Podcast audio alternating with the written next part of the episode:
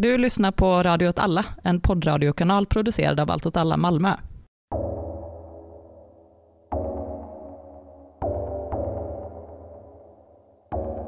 Hej och välkomna till Eld och rörelse. Hej och tack och välkommen själv. Tack, tack. Det är måndagen den 5 oktober när vi spelar in. Mm, det är relevant att säga en sån här avsnitt när vi har tänkt att prata om något aktuellt. Mm. På tal om aktuellt, hur är det med dig? Jo, tack. Det är bra med mig. Inte så stressad som jag varit innan, så det är gött. Nej. Sover du bra? Inte just i natt, men annars eh, har jag sovit bra på senaste. Normal dygnsrytm? Ja, inte just nu i natt då, men annars. Jag sov på förmiddagen igår istället och inte så mycket på natten i natt. Vad gör du uppe på nätterna? Då så att jag skrev lite på en uppsats på natten mest. Det är gött. Ja, ja men det Ja, ja, kändes rimligt. Du då? Ja, men jag känner mig lite krasslig faktiskt. Som att jag håller på att bli kanske lite sjuk. Det är inte så jävla trevligt. Nej, bli, bli inte, gör inte en Trump. Nej, var sjuk i huvudet menar du? Eller Sprida sig. Ja. bli inte sjuk i huvudet. Ja. Nej, jag ska verkligen eh, försöka. Vad tänkte jag på? Jo, eh, jag såg att eh, det verkar som att tröjorna eh, levereras inom någon vecka. Okej, gött. Det känns jätteroligt. Öppna en postorderförpackning sen då. Jag är inte heller så stressad förresten. Mycket, mycket av den här stress, mitt, eh, mitt husköp har ju gått vägen. Ja, Det är grattis. liksom lite färdigt. eh, I alla fall eh, den, den rent byråkratiska biten är klar. Så nu väntar jag bara på, på att flytta. Hemmans ägare. Precis. En fri man. Så banken skrattade. Mm. Ja, hemmansägare. Det är man nu. På tal om att äga sitt hem så tänkte vi ju prata lite om eh, Armenien och Azerbajdzjan-konflikten. Lite mer specifikt Nagorno-Karabach. Ja, något sånt. Nagorno-Karabach. Eller republiken Arstak. Ja. Eller hur tror du Också det är? svårt. Ja. Nej, det vet jag inte. Jag vet att man säger Nagorno-Karabach för att jag har kollat på uttalsvideor på YouTube. Eventuellt ska man säga Karabach med, med K, men ibland verkar K vara stumt på slutet också. Så. Ja. Republiken Arstak. Arstak. Jag vet inte. Nej.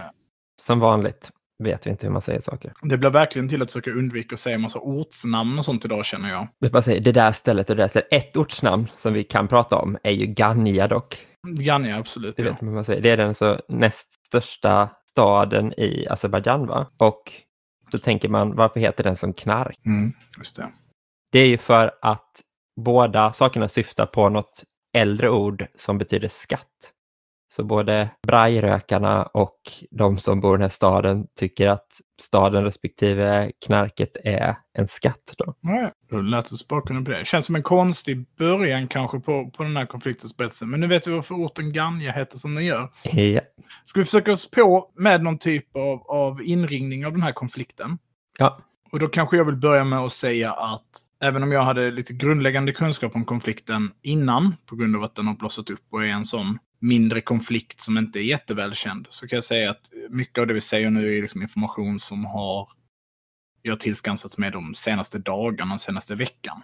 Så det kommer säkert finnas mycket fel i det här. Och jag kan rekommendera att lyssna på Popular Front, en, en brittisk podd som jag inte väl är helt superförtjust i på alla sätt. Men, men den, um, han som gör den podden, han har intervjuat eh, två personer från Armenien, två akademiker från Armenien i två olika avsnitt som handlar om eh, bland annat den historiska bakgrunden och, och varför, varför situationen är. Så den, den rekommenderar jag att lyssna på.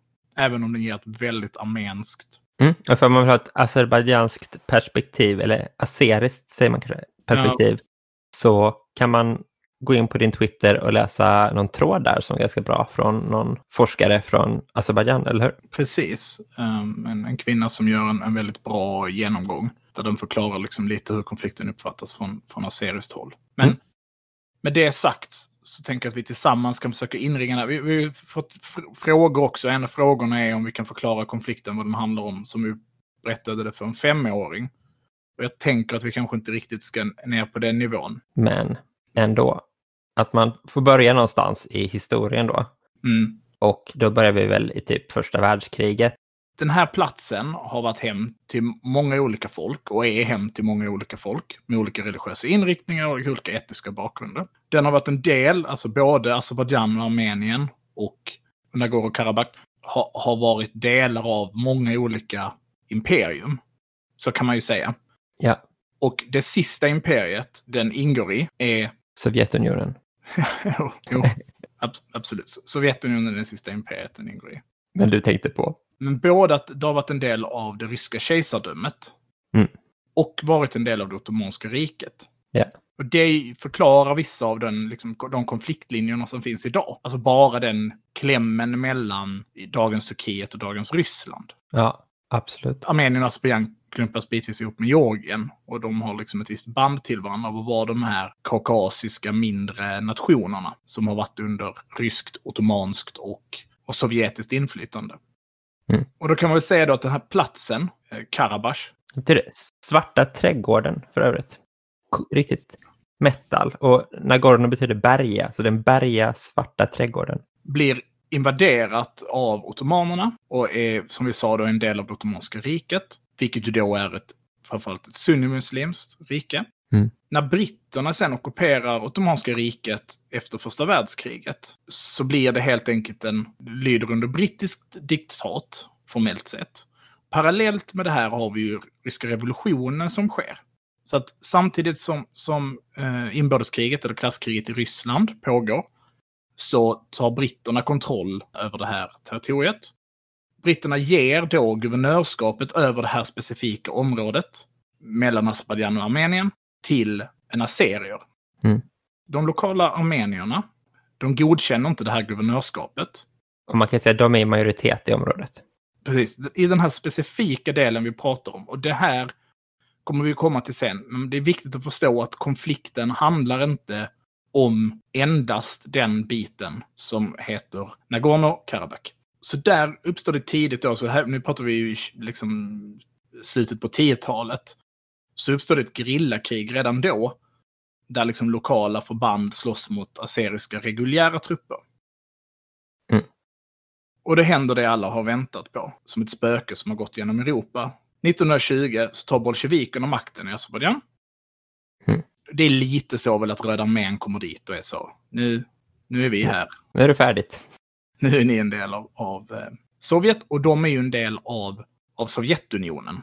Det är också, alltså, Inte av liksom östblocket. Utan... nej precis, utan det här är, en, det här är en, en del av Sovjetunionen. Och då så löser sig konflikten lite grann. Röda armén går helt enkelt in och ockuperar det här området. Då har Armenien ännu inte blivit en del av, av Sovjet. Mm. Röda armén, eller bolsjevikerna, presenterar en vapenvila. Den godkänns. Och så säger man i princip, men den här frågan ska utredas. Vi bolsjevikerna, vi kommer reda ut den här frågan. Och sen så kommer vi ge den, wink wink, Armenien, ni kommer få det här stället.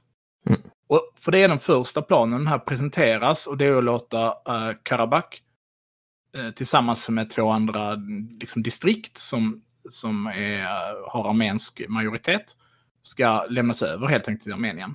Mm. Och nu är ju Stalin inblandad i det här, ska man säga också. Ja, även ifall det är 21 så är han någon folkkommissarie eller någonting. Ja, som sitter i så här typ eh, nationernas eh, råd eller någonting. Alltså som typ Mm. jobbar med det här.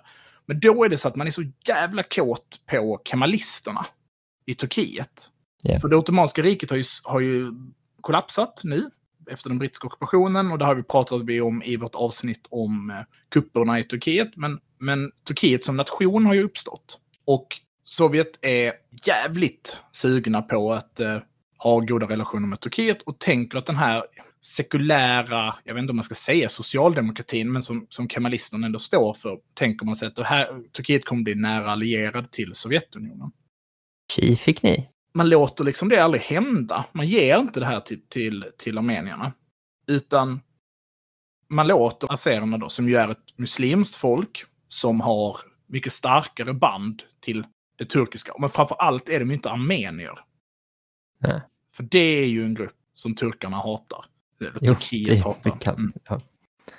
Ja, Ska vi precis. gå in närmare på, Turknationalister hatar. Ja. ska vi gå in närmare på folkmordet mot armenier? Nej, men det behöver vi väl inte göra. Vi alla känner väl till, hoppas vi, att det skedde ett folkmord mot armenier av turkiska staten. Liksom. Precis. Så man låter helt enkelt assyrierna behålla de här områdena. Och så bildar man det som då heter Nagorno-Karabach Autonoms Oblast. Och det kan man väl egentligen säga betyder Berga Svarta trädgårdens självständiga län. Ja. Man ska region, alltså oblast, är ju liksom en administrativ indelning i... i... Landsting. Ja. Och i den, här, i, i den här berättelsen då, som ju då används idag för att motivera de här stridigheterna. Så från ett armenskt perspektiv så säger man ju att under hela Sovjettiden så pågår det liksom ett försök att göra Nagorno-Karabach. Nagorno-Karabach till azeriskt. Mm. Alltså det, både då liksom religiöst men också att man pådriver liksom en positiv särbehandling av aserier och man ser helst att armenier och andra minoriteter flyttar från det här området in i Armenien. Hoppade vi över lite, men Armenien blir också en del av Sovjetunionen. Ja. Några år senare. Okej det, det, skulle jag säga är liksom den, den eh, verkligen historiska bakgrunden till det här. Är du, är du med på den myran eller tycker du att eh, det är något som behöver tilläggas? Uh, nej, det är väl möjligtvis då att man ska säga också att det finns ju en annan exklav av Azerbajdzjan då som mer ligger inne i Armenien eller mellan Armenien och Iran. Och det var ju ett tag på gång då att Azerbajdzjan skulle liksom ge den till Armenien i utbyte, men det blev ju inte av, alltså under Sovjet liksom. Okej, okay. det visste inte jag. Den är så att säga landlåst. Det är en bit av Azerbajdzjan som inte sitter ihop med resten av Azerbajdzjan. Och inte heller hade suttit ihop med Azerbajdzjan om omstridda delen hade Nej. varit tillåtet Azerbajdzjan. Utan det är liksom... Så där någonstans kan man väl säga att, att eh, det är bakgrunden. Sen så börjar ju Sovjetunionen kalkylera. Ja. 88 började väl dra igång oroligheter igen. Men 1989 så genomförs det en folkräkning i Nagorno-Karabach. Bara för att få ett hum om hur, hur eh, demografin ser ut. Och då är det 76,5 procent armenier 22,5 procent eh, azerer. Och sen är det några tusen kurder, ryssar, greker och assyrier som också bor i, i, i den här oblasten. Och då kan man säga att det har minskat från att 1926 var det istället 90 procent armenier och 10 procent assyrier. Så det har liksom, den här sovjetiska politiken då har liksom påverkat en 15 procent fram och tillbaka då på mm. respektive. Mm. Men trots detta så är platsen eh, kulturellt och historiskt också viktig för azerer. Ja, visst. Kulturellt och, och liksom eh, nationellt då på något sätt. 92 så bryter det liksom ut ett, ett, eh, ett öppet krig. Det har varit ett lågintensivt krig fram till 92 där man har kunnat se liksom, men, övergrepp och så, alltså mellan grupperna. Då genomför man en folkomröstning och som kommer fram till att man kommer fram till att eh, Nagorno-Karabach ska enas med Armenien. Ja. Och den här folkomröstningen bojkottas av azerer, liksom av en politisk rörelse. Mm. Och samtidigt som det här händer så utropar sig Azerbajdzjan självständiga från Sovjetunionen. Det här händer liksom i samma, i samma vända. De lämnar alltså Sovjetunionen senare än vad Armenien gör. Ja. Och då utbryter det ju ett, ett öppet krig. Alltså då är det inte längre ett lågintensivt, utan det är ett direkt krig. Ja. Och det här kriget kan man med enkel, enkelhet säga vinns av eh, armener. Ja. De eh, lyckas ockupera hela Nagorno-Karabach och ytterligare sju distrikt. Man kan väl säga då, Nagorno-Karabach ligger som en liksom, ö inne i Azerbajdzjan jämfört då med Armenien. Det är ingen gräns till där liksom. Och då tar väl de allt utrymmet så att säga mellan sin armeniska gräns fram till liksom den här ön som är Nagorno-Karabach och Nagorno-Karabach. Precis. De tar alltså både mark som, som eh, har legat mellan Nagorno-Karabach och Armenien. Så tittar man på det på en karta så eh, vi kan dela en karta i samband med det här också. Och, så det binds ihop till en gräns? Liksom, eller, ja, ja, Men det viktiga här är att man tar också sju distrikt som inte har en armensk majoritet. Och den hålls som en buffert kan man säga. Och som en förhandlings... Eh, ja. Förhandlingsposition, för de tar inte heller exakt hela Nagorno-Karabach, utan de saknar några delar, så säger de lite så, kan vi få dem, kan ni få tillbaka det här, liksom, det är någon sån. Precis. Och detta sätter ju igång väldigt stora flyktingströmmar, framför allt av azerer. Det är ungefär 800 000 flyktingar till följd av det här.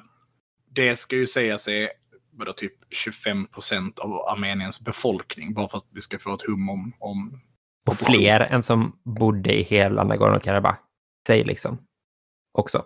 De här områdena eh, i, i princip töms. Yeah. De besätts heller inte eh, av eh, armener, utan det är i princip tomma ytor som ligger runt om Nagorno-Karabach. Båda eh, länderna är vid den här tidpunkten medlemmar av Organization for Security and Cooperation in Europe, som är alltså en sovjetisk, rysk konstruktion eh, för att eh, dämpa eh, spänningarna mellan väst och, öst. Som jag tror uppstår i samband med krisen i Tjeckoslovakien. Okay. I den skapar man det man kallar för Minsk Group, alltså som staden Minsk. Och den lyckas förhandla fram en ett permanent eldupphör mellan, eh, mellan grupperna. Och tanken är att det här då ska, Minsk grupp ska då leda fram en, en förhandling som leder fram till en permanent fred. Där man liksom löser alla de här frågorna om vilken mark och nationalitet och vilken relation de ska ha mellan. Ja. Jag tror att typ Frankrike, England, ja, det är ett gäng som ingår i det här. Och då kan vi hoppa fram till 2006. Då får Nagorno Karabach en konstitution. Ja. De får en konstitution. De, de skriver en konstitution. Skaffar sig. Ja. Precis. Som i praktiken gör de här sju buffertzonerna till en del av Nagorno-Karabach. Ja, de ska inte längre lämnas tillbaka eller någonting, utan det nu. 2007 så skrivs det som kallas för Madrid Principles av den här Organization for Security and Cooperation in Europe, alltså Minsk Group. De här principerna är då ett sätt att nå fram till den här permanenta freden de innefattar att man ska återlämna de här sju distrikten, flyktingar ska få återvända till sin egendom och så vidare. Den här godkänns typ inte egentligen av någon av sidorna, framförallt så godkänns den inte av eh, republiken av... Artak. Artak, ja. Så säger men vi går inte med på det här.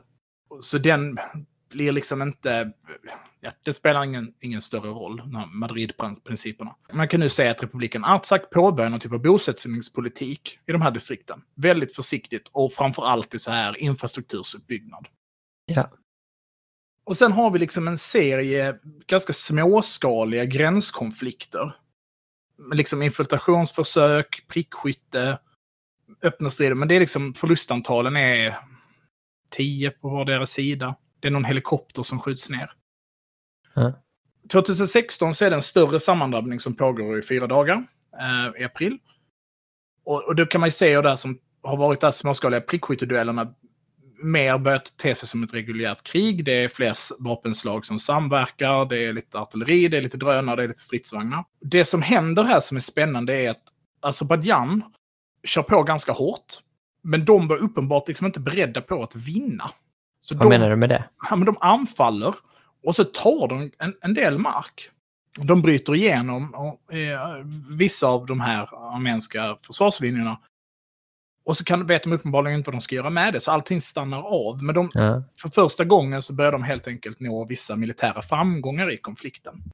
Och här skiljer sig liksom också länderna åt. Och det är ganska spännande, för det kommer ju visa sig senare. Men att 2016 så, precis som 2014 när de hade liksom eh, gränskonflikter så är stämningen i Azerbajdzjan väldigt positiv. Alltså, det, och krigshetsandet från befolkningen är stark. Alltså det, det är stora demonstrationer, man, man kräver att eh, Republikanska partiet som är vid makten, att de ska agera, att presidenten ska återta det här territoriet. Och man liksom ropar efter krig. I Armenien då, och det här kan man förstå dubbelt då, men i Armenien, som det ju inte heller går så bra för då, 2016, så blir det istället en väldigt stark kritik mot staten. Både liksom hur armén har skötts, men också en kritik mot korruption och något väldigt centralt nu då, ett upplevt svek från Ryssland. Just det. Och det är ju för att Ryssland och Armenien är tillsammans med i det som heter Collective Security Treaty Organization, vilket väl i enkelhet kan förstås som Rysslands NATO. Alltså helt enkelt en försvarsallians. Och en organisation som Azerbajdzjan också har varit med i fram till 1999 tror jag de lämnar. Och man upplever då, varför hjälper inte Ryssland oss i den här situationen?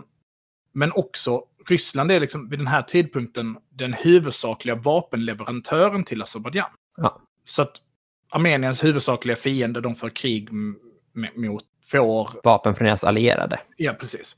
Och sen finns det en kritik för hur, hur eh, den armenska militären har hanterat vapeninköp. Med korruption också då och sånt? Ja, och att man liksom inte, varför är vår armé inte bättre helt enkelt? Nej. Varför är Azerbajdzjan en, en, mer modern vapenteknologi? Så det blir en ganska stor rockad i medledning vid den här tidpunkten. Anledningen till varför man tror att Azerbajdzjan inleder den här konflikten 2016, det finns flera stycken, men en central faktor är att Azerbajdzjans ekonomi går på sparlåga vid den här tidpunkten. Och påverkas väldigt kraftigt, eh, påverkas väldigt kraftigt negativt av så här, sjunkande gas och oljepriser. För Azerbajdzjan är ju en, en stor, stor stor, eh, Azerbajdzjan är ju en, en oljenation. Ja. Så vid den här tidpunkten så har Azerbajdzjan i, i praktiken lyckats återta visst territorium. Sen kommer 2018. Ja, då är det färgrevolutionsdags. Precis. Missnöjet i Armenien har fortsatt, mm, inte bara med det här utan med överhuvudtaget det politiska och juridiska systemet misstros liksom. Den kallas eh, sammetsrevolutionen va? Ja, Velvet Revolution. Och det syftar väl också på den i Tjeckoslovakien? Va? Ja, det gör det säkert. För den kallas väl det i, eh, i Tjeckoslovakien också. Ja. Sammetsrevolutionen, eller Velvet Revolution, som är väl en typisk sånt uppror som man ser ske på, i flera länder vid den här tidpunkten. Ukraina bland annat. Det som är spännande i Armenien är att ledaren, eller en av dem, om, men man kan nog säga ledaren för det här är alltså eh, Nikol Pasjnian som... En vanlig tjomme på något sätt. Han är journalist, precis. Han är journalist och, och intellektuell. Och eh, är väldigt framstående i de här eh, sociala rörelserna. Han blir ledare för ett parti som heter Civil Contract Party, tror jag. Ja, något sånt. Jävla lökigt namn. Och det som händer är att man, man, det blir val, man tvingar fram ett val och Nikolaj Pasjnian och det partiet som sen de har, det är något uh, Big Tent Party eller så här, flera olika. Uh, vinner med, jag tror de vinner med för 75 procent. Och för att det gamla republikanska partiet och de här liksom före detta Sovjetpartierna, de här byråkratpartierna, de ställer ju i princip inte upp i valet. Nej. Så då har man lite ett nytt läge i Armenien. Det är typ en demokrati nu istället. Eller det var det väl kanske förut också, men alltså formellt, men, men eh, också mer de facto. Medan Azerbajdzjan fortsätter ju vara en av världens minst fria länder liksom. Precis. En skitbra historia om Azerbajdzjans eh, demokrati är ju att de typ, det är nog också 2018, eller om det är 2016. Hur som helst så ska de ha, de ska göra en jävla app för att man ska kunna följa räkningen i Azerbajdzjan. Och så sprids den här appen och sen så typ så två dagar innan den valet, om man typ går in på den appen så kan man hitta valresultatet. Redan inlagt liksom, dagar mm. innan valet. Ja, det, det ser inte helt bra ut. Nej, och sen är det också så man, med liksom NGOs och liknande och, och fri press och så. Alltså den är ju ett markant annorlunda. Det, det tar sig även direkt uttryck i den här konflikten. För om man tittar på förlustsiffrorna till exempel, så har Azerbajdzjan inte rapporterat några förlustsiffror. Nej. Medan Armenien dagligen då går ut och sen är det ju såklart eh, putsade siffror. Men... Man kan ändå inte ljuga hur mycket som helst om sånt i ett liksom land där det finns fri press och så som kan granska vad, vad man säger och sånt. Ja, men precis. Och det är inte det enda som skiljer de här länderna åt, så det kan väl också viktigt att säga. Alltså, både rent storleksmässigt så är det två väldigt olika länder, befolkningsmässigt alltså. Och deras ekonomier skiljer sig också väldigt drastiskt åt. Ja, det är två ganska små länder. Azerbajdzjan har typ 10 miljoner invånare och Armenien typ 3 eller någonting va? Ja, och det gör ju också att det finns en markant skillnad i deras försvarsbudget. Där Azerbajdzjan lägger ofantligt mycket större summor än vad Armenien gör. Har de något annat som de liksom ska vara beredda på då? än Armenienkrig? Är det Iran eller Ja. Georgien eller något? Eller Dagestan? Ja, nej, skulle jag väl säga. Alltså, de har ju en, det finns en situation med Iran som är komplicerad. Och det är ju, utan att gå jättedjupt i den, så kan man väl säga att både att Iran generellt sett står nära länder som står nära Ryssland. Och när Mm. Azerbajdzjan in, valde att inte stå så nära Ryssland är de ju då en potentiell fiende. Azerbajdzjans nära relation till Turkiet, alltså därför NATO-allierad, är ju också en komplex fråga för Iran. Att Israel är en vapenleverantör till Azerbajdzjan. Det är också komplicerat för Iran. Men den stora grejen är ju att det blir fler azerier i Iran än vad det gör i Azerbajdzjan.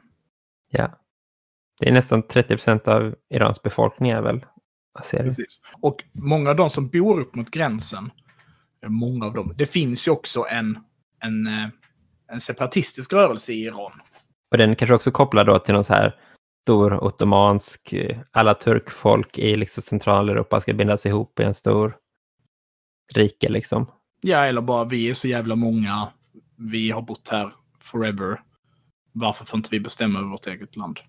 Jo, såklart. M- Men att i ett- större perspektiv så är väl Turkiet liksom en potentiell uppbackare av en sån liksom rörelse. Absolut. Då, precis som de också är på något sätt, Armenien borde försvinna. Det ligger i vägen för vår ihopkoppling med Azerbajdzjan. Och, Ja, jag läste någon bra sån eh, eh, idiot på Twitter som är inne på min Twitter ibland och postar olika turkiska flaggor. Ja, det är samma turkiska flagga den postar faktiskt. Men som var så här. Armenien, Grekland och Georgien existerar bara för, är skapade bara för att eh, ett, eh, nytt turkiskt rike inte ska kunna uppstå. ja, just det. Men det är så här, Grekland? Really? ja. Men...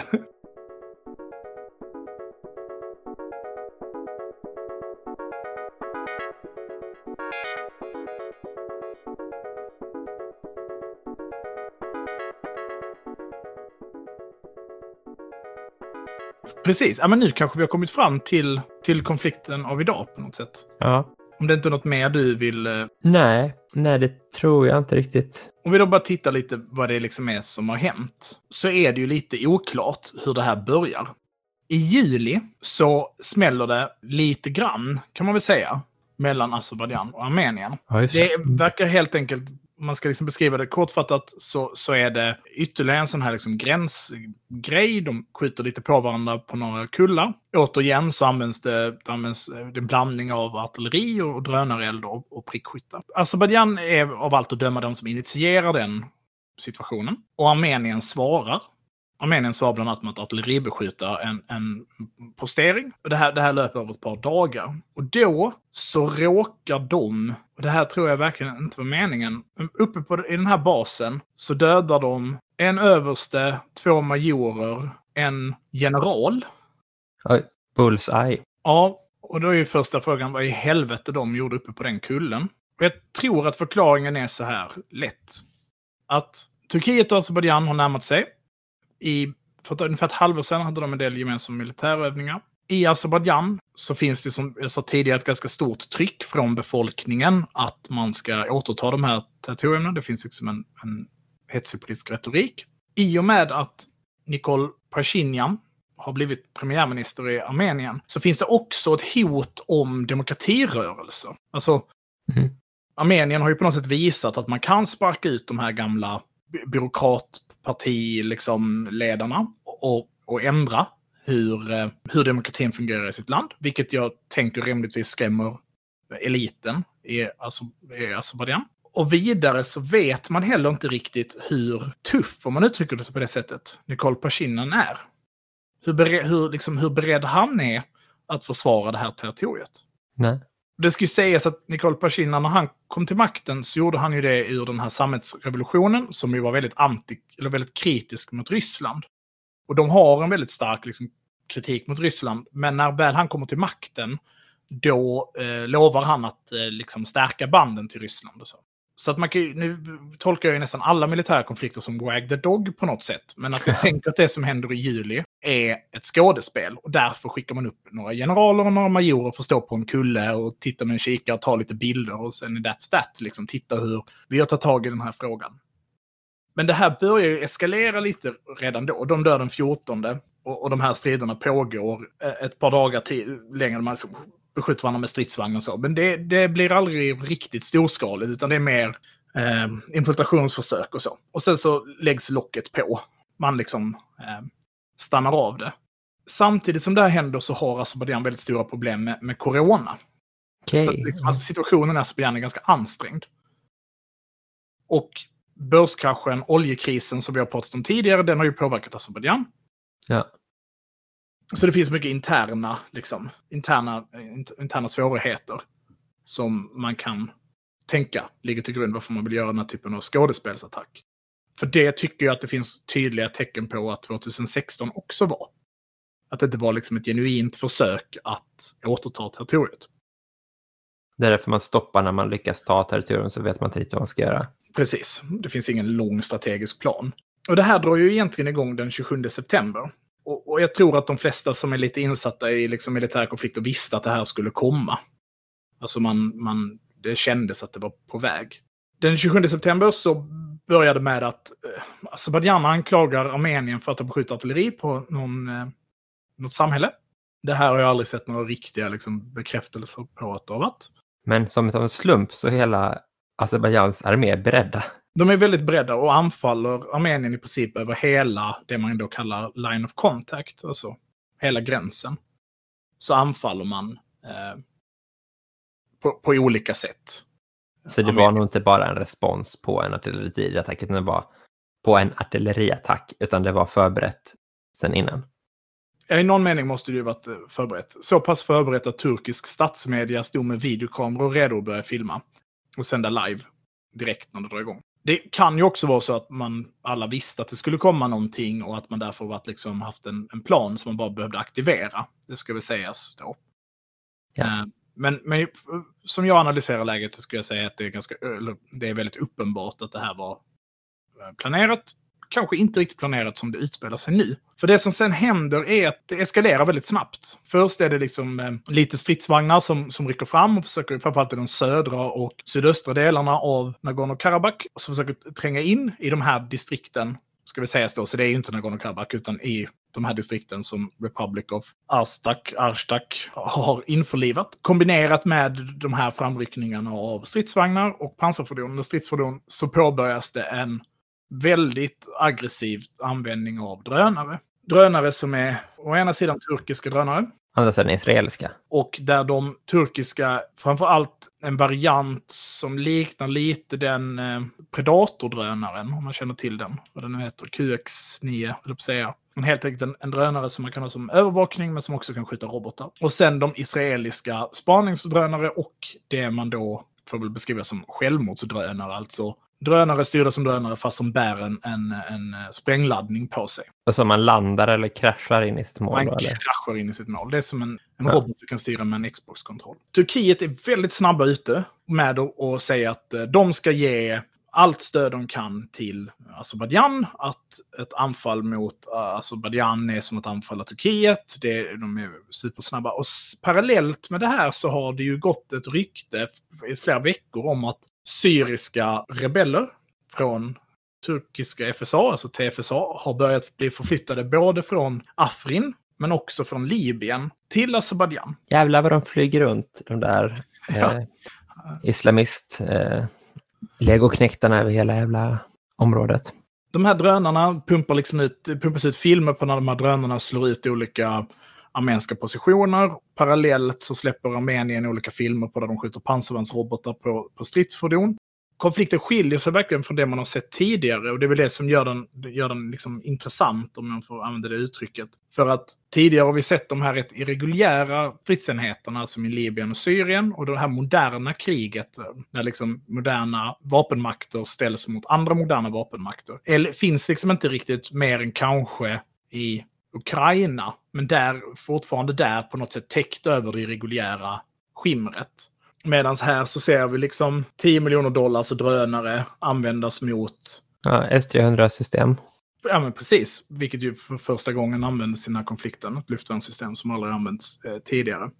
Och verkar väl ha presterat helt okej. Och vad jag kan döma av liksom strategin som används från Azerbajdzjan på den operationella nivån är att man uppenbart verkar använda sina drönare till att göra frontlinjen porös. Alltså man, man, de, de samverkar inte. Det är inte så att man först skickar in eh, drönarna och så drar drönarna och så skjuter man artilleri och sen så rycker man fram med trupper. Utan istället så verkar liksom drönarna bara röra sig längs frontlinjen, framför allt då kopplat till Nagorno-Karabach.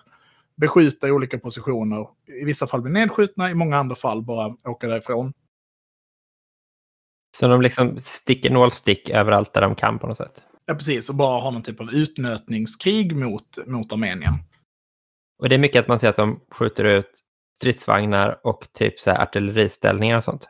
Artilleriställningar, det första som händer är ju att de påstås slå ut eh, luftvärnssystem, närmare bestämt OSA, som ju är ett 60-tals eh, luftvärnssystem som man kan ju uppgradera. Det är i princip en pansarbil med robotar på. Och de, ju... Skjuter man upp de robotarna i luften så ska de träffa flygplan. Det är det som är poängen.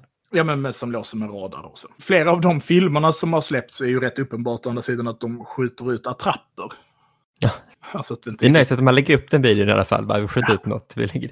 låtsas att det är... Så plywood-byggda, ja, men det är en välbyggd eh, attrapp får man säga. Men i, i södra och östra delen av republiken, den här separatistiska delen, så är det ju inte bergigt. Och det är heller inte Nagorno-Karabach. Så att man anfaller, tidigt så anfaller man platser som rent topografiskt är mer lättillgängliga. Där man alltså kan rycka fram över slätt till exempel, eller åkermark, fram till, till städer. Och det är där också vi kan se idag att Azerbajdzjan, nu när vi pratar måndagen den femte, har faktiskt eh, tagit mark. Ganska mycket också. Ja. Och det är ju för att rent terrängen i, i bergsområdena är både mindre tillgängliga för stridsfordon, men också mindre tillgängliga för drönarattacker på grund av att vegetation är ett, eh, ett eh, bra skydd från att bli utsatt för, för luften. 29 september så säger Armenien att en turkisk F16, alltså ett multiroll-flygplan ska ha först engagerat markmål, alltså beskjutit trupper på mark, sedan skjutit ner en armensk eh, Su-25, vilket är ett eh, ryskt producerat eh, markmålsplan. Det här förnekas både av Turkiet och Azerbajdzjan. Armenien säger att de ska flytta fram sitt S-100-system närmare stridsområde. Och i detta så säger Armenien, nu ska vi börja diskutera med Ryssland att aktivera eh, våra försvarsartiklar i CSTO, alltså deras försvarsallians, som förpliktigar Ryssland att gå in i kriget. Aha. Det är ju sex dagar sedan idag. Ryssland hoppar inte in i kriget direkt, kan Nej. man säga. Sen böljar ju den här konflikten, kan man säga. Det, det, är liksom, det verkar som att man tar utpost i bergen och sen så blir de tillbaka tryckt. Och så fortsätter det. Mycket av de som vi ser döda liksom så här i olika bilder och sånt, man sitter och kollar på sånt tyvärr på internet. Är det mycket liksom legosoldater och respektive liksom frivilliga? Det tycker jag jag har sett. Eller är det bara de som dör liksom? En del av de som har blivit dödade, man vet inte riktigt förlustsiffrorna skulle säga, ska sägas. Men jag tänker att om man tar de siffrorna som finns idag och sen så tänker man att alla ljuger lite och så tänker man att Azerbajdzjan absolut minst måste ha samma förlustsiffror som Armenien på grund av att de anfaller och då är det, man tar mer förluster då, det är farligare att anfalla. Så kan man tänka sig att förlusterna ligger någonstans mellan 60 800 döda på en vecka. Totalt eller på varje sida? Totalt. Ja. Och sen finns det liksom, men jag tror att om man tittar vad de själva rapporterar att de har dödat så tror jag att det är ungefär 8000 döda. Okay. Men Azerbajdzjan har alltså skjutit ut fler stridsvagnar än vad Armenien har. Alltså det är, ja. Mm. Jag tror inte man ska ta de siffrorna det minsta på allvar, men man kan använda det som en fingervisning. Och då tror jag att, att eh, runt 800 förluster är, är totalt ganska rimligt. Och vi vet att ungefär en 50 av dem, de vet vi, är kopplade till eh, turkiska legosoldatsförband. Mm. Antingen som blivit identifierade, vissa är redan tillbaka och begravda i Syrien, där man kan få information om det. Och med frivilliga, då tänker du på frivilliga i Armenien liksom. Att det är inte riktigt det är den här Republic of Artsakh, kanske den heter, vem vet? Det är ju inte Armenien i sig, liksom. Är det, är det armenska armén? Hur mycket är de där själva liksom? Nej, det vet man inte riktigt.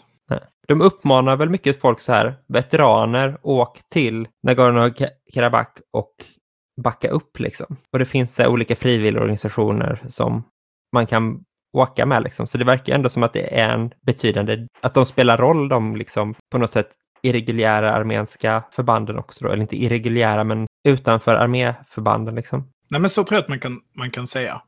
Att separatisternas armé är en del av Armeniens armé. Okej, det Så, kan man ändå säga. ja, som en egen kår. Ja, ja. Så, så tolkar jag det när jag tittar på det. Framförallt om man ser utrustningsmässigt och så. Men det kanske ändå finns någonting med att de håller tillbaka för de inte skickar de andra delarna av sin armé. Det... Nej, men precis. Det, det finns ju, den här konflikten är ju inte ett, ett totalt krig. Det är ju viktigt att komma ihåg också. För det finns en gräns för vad man kan göra. Alltså även om den har passerats på många sätt, det har vi inte pratat någonting alls om, men att båda länderna har beskjutit städer med eh, Ganska lågprecisionsvapen, raketartilleri och... Eh, Ganska direkta folkrättsbrott. Alltså, ja. Azerbajdzjan har beskjutit eh, huvudstaden i, i Nagorno-Karabach med klusterammunition. Just det. Liksom. Det är bara ett krigsbrott. Det är liksom ingen diskussion. Levererat då med BM30, alltså Smerch tror jag det kallas. Tänk en lastbil med stora 300 mm rör som skjuter iväg eh, vägrobotar. Och sen en bit ovanför himlen, eller en bit ovanför målen, så detonerar spetsen och skickar ut hundratals mindre bomber. Eh, som sen eh, sprängs när de har studsat ner på marken. Och det är ett väldigt urskillningslöst vapen. Och använder det mot, eh, mot eh, bebyggd eh, terräng där man vet att det finns civilbefolkning är, är, är ju direkt vidrigt. Och Armenien har då svarat alternativt först skjutit det man då kallas liksom, kortdistans ballistiska robotar på mål inne i Azerbajdzjan. och ballistiska robotar betyder att man har ingen styrning på dem utan man bara siktar in vart de ska träffa så skickar man iväg dem. Alla robot, allt som är en robot har en styrning. Men inte hela vägen eller någonting. Inte så? Ja, det blir väldigt tekniskt. Alltså om den har någon typ av styrning efter att den har lämnat eh, sin plattform så är den robot per definition, annars är den raket. Därför är det konstigt att man säger rymdraket. Det är ett sidospår. Men rymdrobot låter mycket bättre också. Men, men eh, Men att de heter ballistiska, har inte det att göra med att man räknar ut deras bana? Liksom? Att man skjuter, jo, att de skjuts, de skjuts in, in eh, upp och sen ner. Men styr den på nedvägen då vart den ska träffa? Eller dimper Ja, det beror liksom på bara vad det är för system vi pratar om. Men vi kan ta Iskander som ett exempel, vilket jag tror att de har använt i något av fallen. Det är ett ganska omtalat system. Det pratas om det rätt mycket i relation till Östersjön. Jag ska inte svära på att de har använt Iskander, det vet jag inte. Men annars är det Scud B eller OTR 21 eh, Torska som också används i Syrien en del. Men om vi tar en Iskander till exempel. Den har ju liksom flera stycken styrningssystem, bland annat GPS, mot ett specifikt mål där roboten rättar sig. Ett internt styrningssystem helt enkelt. Kopplat då antingen till GPS eller den ryska motsvarigheten. Heter det? GLONASS eller vad det heter. Och en har liksom en träffsäkerhet på 5-7 meter. Absolut, det är ju, är ju för jävligt att skjuta det mot ett, men, men det är inte ett, ett raketartilleri på det sättet att du har liksom de här eldrören och sen har du en zon på kanske 100 meter eller 200 meter där du vet att de här robotarna kommer landa. Och sen skjuter du av dem. Och så hoppas du att du, eh, att du träffar ditt mål. Nej.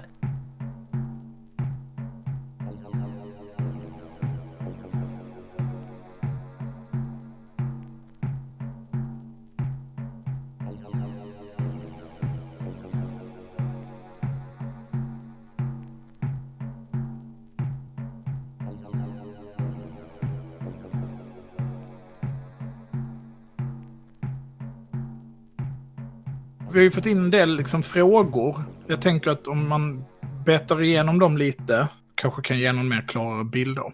Det låter jättebra. Och då är väl så här, första frågan är vem man ska heja på. Och, Ja. och liksom relationen till vänstern i länderna, hur de ser på saken. Och jag tittade lite på vänstern i länderna. Framför allt i Armenien. Det finns en anarkiströrelse i Azerbajdzjan och som ställer sig väldigt kritiska mot kriget.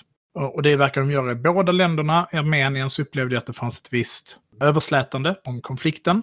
Och det här med vem man ska heja på. Jag förstår att personen som har frågat det, eh, liksom, jag antar att den är lite skämtsam. Och mitt spontana svar är väl att jag inte tänker att man ska heja på någon av sidorna och att man ska vara motståndare till krig. Ja, det tycker jag också. Men man kan ju ändå resonera utifrån saker så här typ vad känns rimligt och inte rimligt på något sätt. Någonting som känns rimligt är väl att de här områdena där folk bor så kan väl de få rösta om vilket land de vill tillhöra liksom. Och att de som har tvingats fly från områden kan få återvända dit och också vara med och rösta. Det var inte den Madrid-dealen var ganska mycket inne på det, att det var så det skulle gå till. Liksom. Det som ingen ville ha. Precis. Det ställer väl liksom vissa, som man skulle ta den frågan till sin spets, så blir det till exempel frågan om Israel och Palestina blir aktualiserad då på något sätt. För frågan är hur majoriteten uppstod, och hur lång tid tillbaka och så vidare. Har man liksom rätt till ett land ifall man har fördrivit människor från det? Hur har man rätt till ett land?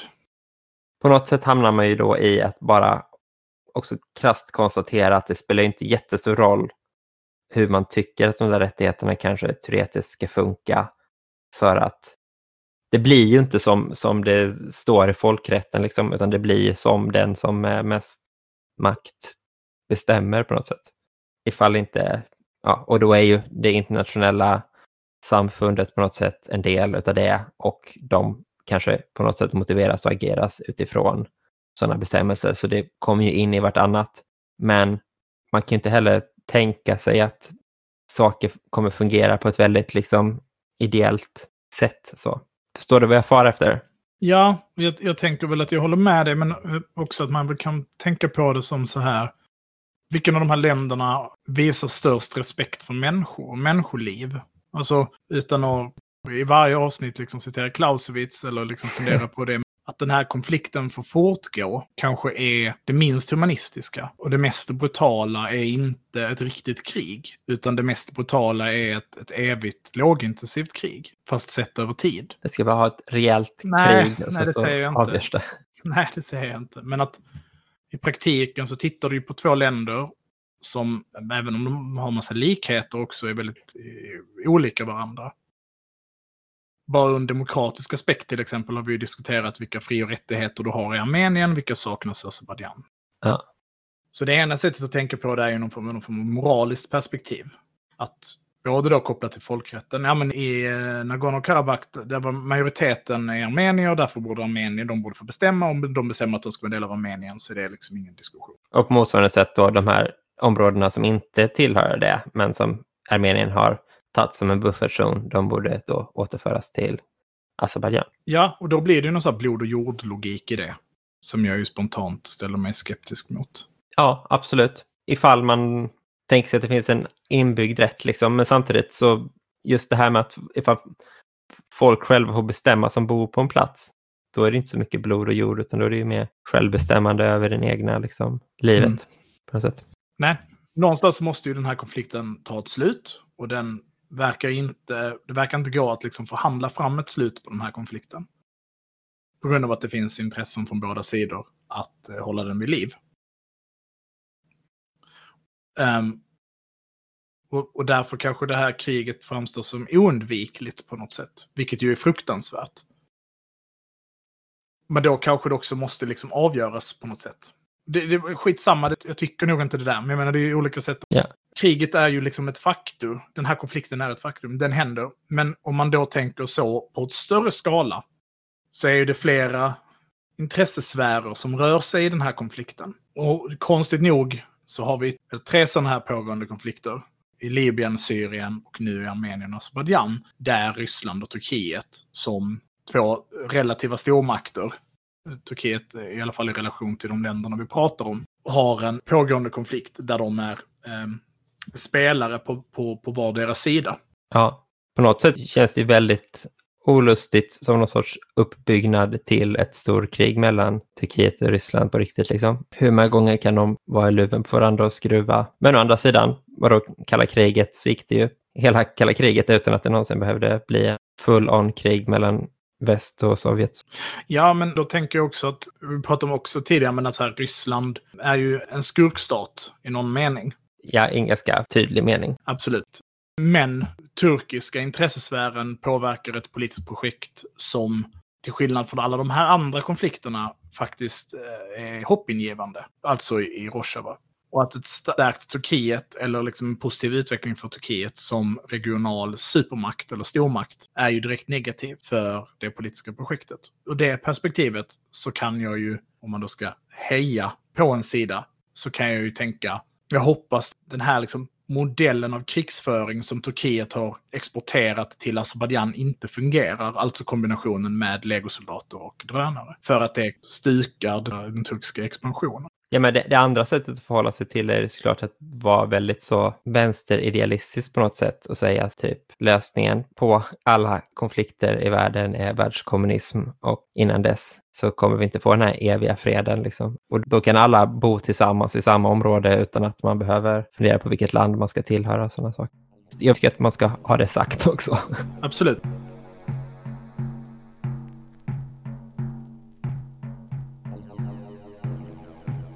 Och då tänker jag att vi också får knyta tillbaka till den här frågan innan vi började prata om, jag var lite på väg, innan vi började prata om de här, eh, hur, vad som är en robot och hur styrd en, en, eh, en Skander-robot är. Så får man frågan om den här, hur Azerbajdzjan och Armeniens styrkor förhåller sig till på pappret. Liksom. För det jag var på väg då är så, det är inte ett totalt krig mellan de här två länderna. Och det är viktigt att komma ihåg. Och att de här länderna trots eskalering, och, och, och, den eskalerar för varje dag som går nu, så eskalerar det på olika sätt, så är det inte ett totalt krig. Men om vi bara tittar på pappret, hur det ser ut, om det här skulle vara ett dataspel till exempel, så har inte Armenien en chans i helvetet. Det är det här Clausewitz kallar för det ideala kriget. Alltså idén om ett krig utan politik. Ett krig som inte finns. För begränsning av det här kriget är politiska. Eftersom att politik och krig är så tätt sammanlänkade.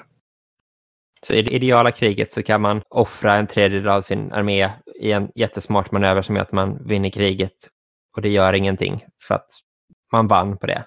Men i verkligheten kan man inte offra jättemycket människor hur som helst för att då blir det liksom uppror i ens land. Vad har man gjort? Liksom?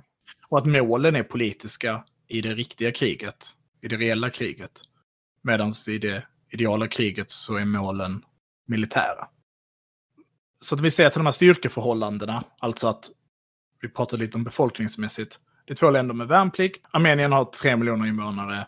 Azerbajdzjan har 10 miljoner invånare. Det är ganska lätt att räkna ut hur många unga män och kvinnor de har mellan åldern 18 till 45 för att kalla in till sin värnpliktsarmé.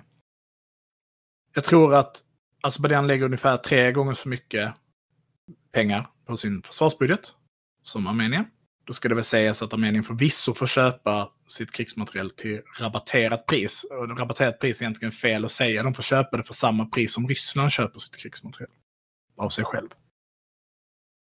Av liksom ryska försvarsföretag då? Ja, det är det som är en del av att vara med i den här försvarsalliansen. På samma sätt som att man får rabatt på att köpa Patriot-skit när man är med i NATO.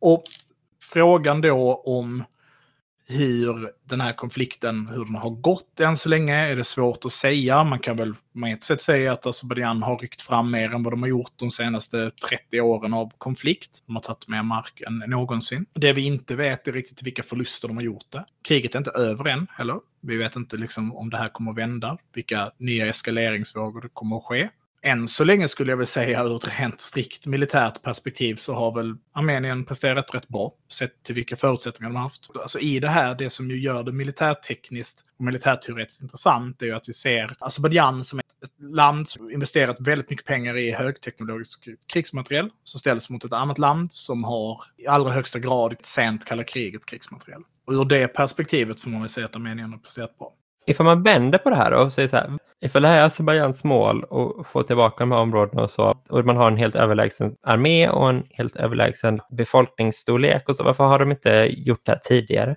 Tidigare har de inte, de senaste åren har de ju som sagt investerat i mycket högteknologiskt. För det här skulle jag vilja säga är den andra saken varför gör den här konflikten intressant, mer än det här rent tekniska. Vad händer när någon eh, köper skitmycket svindyra israeliska och turkiska drönare och testar det?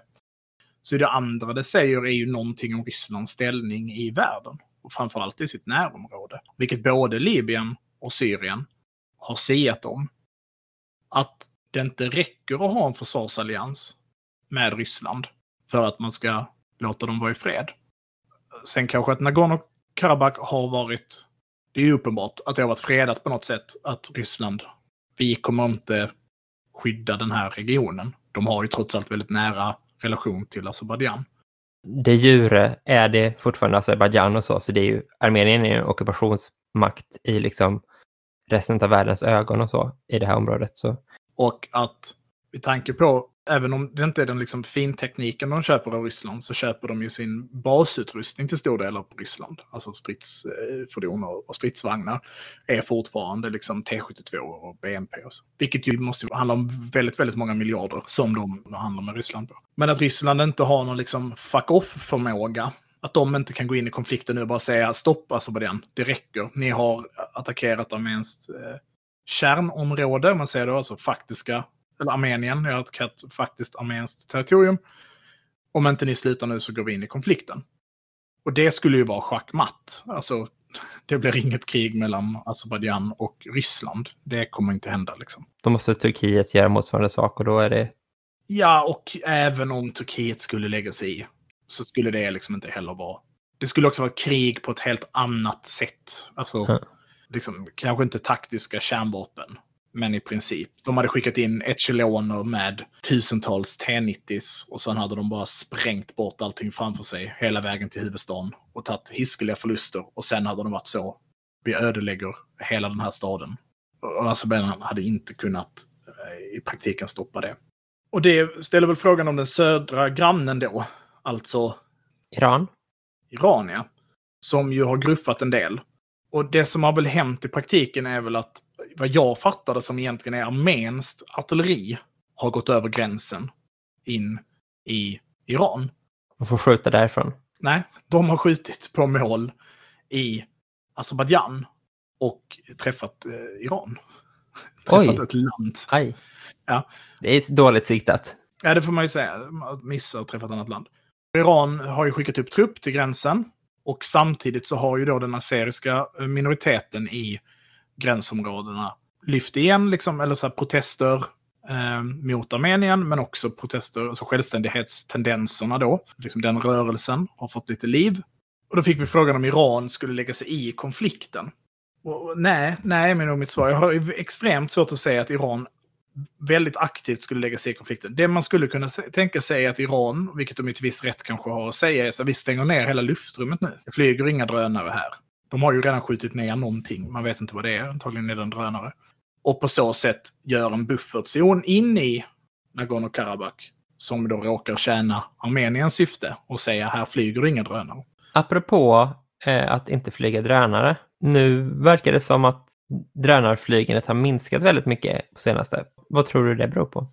Nej, jag, jag, jag har verkligen grunnat på det nu de senaste 36 timmarna och försökt hitta någon förklaring. En förklaring är ju att topografin i stridsområdena har förändrats, alltså drönarna är mindre effektiva, så det finns helt enkelt inte så mycket material. De har tagit slättlandet och nu är det bara bergen kvar. Så nu, Ja, men precis, eller stora delar av, av... Det är helt enkelt inte så effektivt längre. De har inte så mycket att producera. Det tror jag inte är förklaringen. Jag tror inte heller det är förklaringen att de har förlorat så pass mycket drönare att det är ett problem för dem. Israel lovar ju att sluta skicka krigsmateriel till Azerbajdzjan inom två till tre dagar. De senaste dagarna har det lyft typ tio stycken stora transportflygplan från Israel och landat i Azerbajdzjan. Jag tror inte de har någon brist på prylar direkt. Och om två, tre dagar har de lyckats leverera resten. Så då kommer förklaringen att någon, antingen att Ryssland, som ju trots allt har ett regemente i eh, Armenien, har sagt att nu får ni sluta flyga drönare. Eller att det har förflyttats fram luftvärn som har befunnit sig i Armenien närmre Nagorno-Karabach. Som, och att Turkiet tillsammans med eh, Azerbajdzjan är medvetna om det och därför inte vågar flyga längre för de vill inte riskera sina drönare och vill använda dem i ett läge där de verkligen behöver dem. Och det skulle till exempel kunna vara Tor 1M som ett system heter, som i Syrien har visat sig vara rätt effektivt på att skjuta ner drönaren. Men det finns ju en annan en teori som är att som svar på att liksom säga, huvudstaden i republiken blev eh, beskjutet med klusterartilleri så svarade Armenien och besköt en stad i Azerbajdzjan. Där det finns en stor flygplats. Och de sa själva att det var flygplatsen de besköt med de här eh, kortdistansballistiska kortdistans ballistiska robotarna. Azerbajdzjan säger att de mest har träffat olika civila byggnader. Men om man tittar på några av bilderna därifrån så tycker jag att det ser ut som att det är semimilitära alternativt hangar, små hangar de har träffat. Och på bilderna runt om så är det åtminstone en av soldaterna går att identifiera som turkisk. just det. Och frågan är om inte Armenien prickade känslig infrastruktur för drönarflygandet. Alltså en ledningscentral eller liknande. Det här är verkligen hejvilda spekulationer. Men det var i samband med det som drönarflygandet upphörde. Det är Ja. nog något sånt man aldrig kommer få svar på. Nej. Ehm, Tur för dem ifall, de gjorde, ifall det är det som är förklaringen. Att de kommer du ihåg att jag sa att Turkiet och eh, Azerbajdzjan hade haft en gemensam militärövning för ett halvår sedan ungefär? Nej. Ja, jag sa det tidigare. Då användes den här flygplatsen, och bland annat flygplatsen utanför Ganja. Ja. Och det finns ju en teori om att den här F16 som då sägs ha skjutit ner en Sukhoi 25 då, att de flög från de flygplatserna. Så det är nog inte så mycket en fråga om tur, som är att man... Jo, men att man faktiskt fick in den träffen, även om man siktade där. Ja.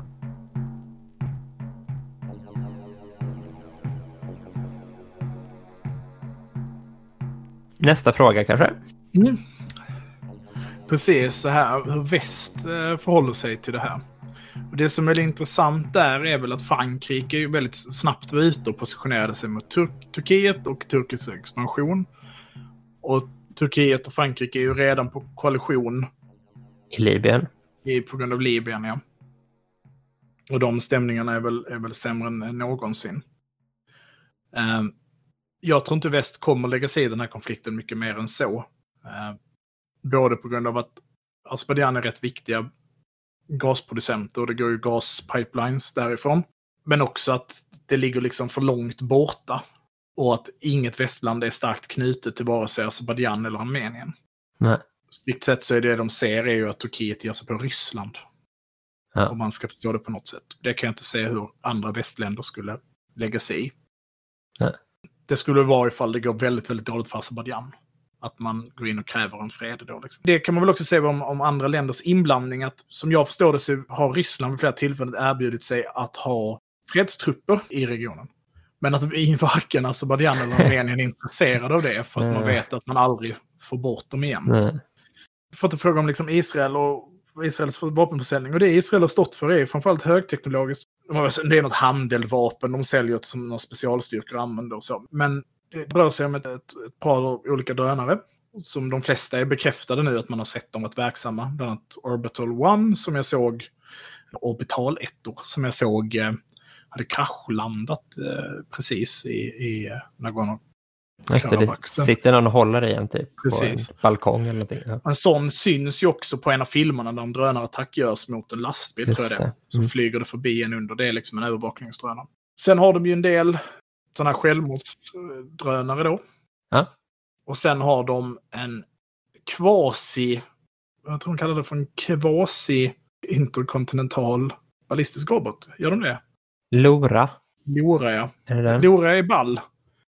Lora är byggd så att man ska kunna ha den i en container på ett lastskepp.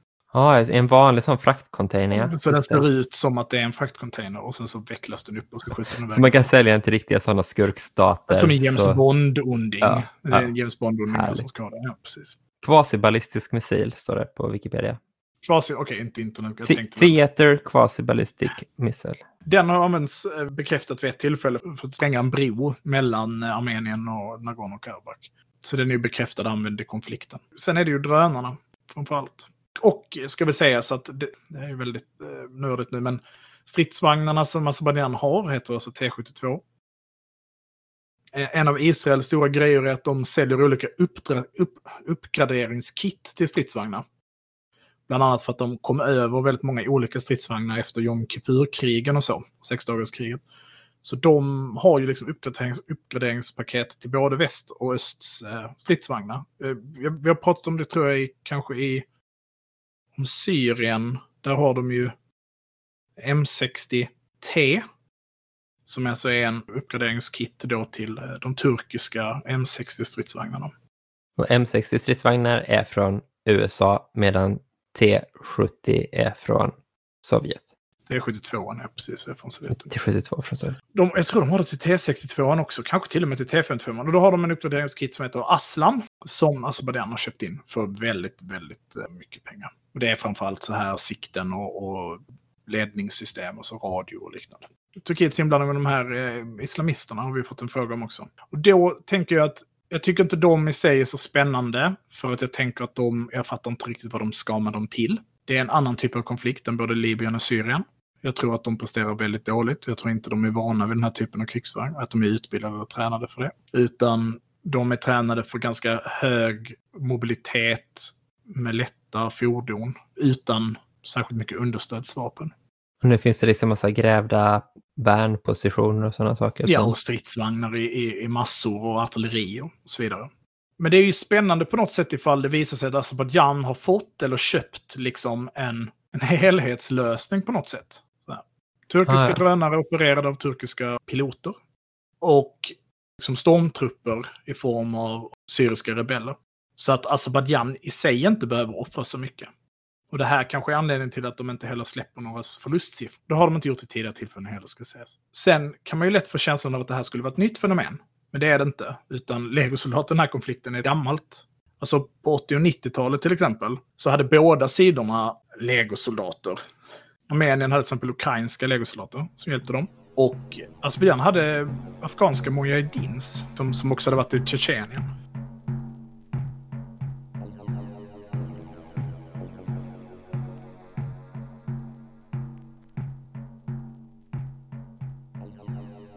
Okej, men om det är någonting jag skulle vilja att man liksom funderar på, eller som jag tror är politiskt intressant, är väl att fundera på om Turkiet håller på att ta över vad Egyptens roll var under kalla kriget i, i Mellanöstern och i Nordafrika. Alltså som en typ av regional stormakt som kan liksom diktera villkoren för hur utvecklingen ser ut. Mm. Men också liksom politiskt och kulturell, på en, på en politisk och kulturell nivå. Och vad det här betyder för Rysslands position i världen. Om de inte kan garantera sina allierade säkerhet. Ifall Ryssland inte kan gå in och bara lägga locket på den här konflikten och få den att svalna igen. Och sen så tror jag att vi just nu ser och kommer se ryska legosoldater lägga sig i konflikten. De så kallade Wagner Group då. Det är också en spännande tanke. att det Kan det vara så att när Armenien ringer Ryssland och säger ni måste ju hjälpa oss nu. Vi kan ju Ja. aktivera det här. Då säger de "Men det kan vi inte. Men det ni kan få av oss är legosoldater. Inte riktigt lika bra, men kanske det näst bästa då. Är det kanske det eller inget? Sammanfattningsvis, vi hoppas att det blir fred. Det är väl det. I hela världen. I hela världen. Glass och kommunism. Vi hoppas väl, eller jag tror att vi kommer se en vapenvila ganska snart. Och frågan är om inte Azerbajdzjan kommer nöja sig med det de har tagit nu. För att det är tillräckligt mycket för att blidka hem opinionen. Och för att det ger dem en betydligt bättre position vid förhandlingsbordet. Sommaren vi kommer se Armenien på offensiven inom ett par dagar. Vi försöker återta det. Mm. Tack så jättemycket för att ni har lyssnat. Ni kan följa mig på Twitter, där heter jag Trojkan1337.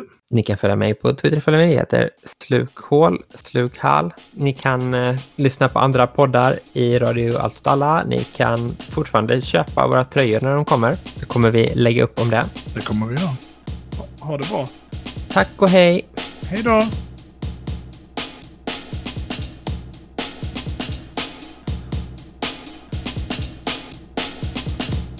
Det har också så. Vad fan gör man nu? Unicast och Leave. Craig Leave. Men? Man måste lära det.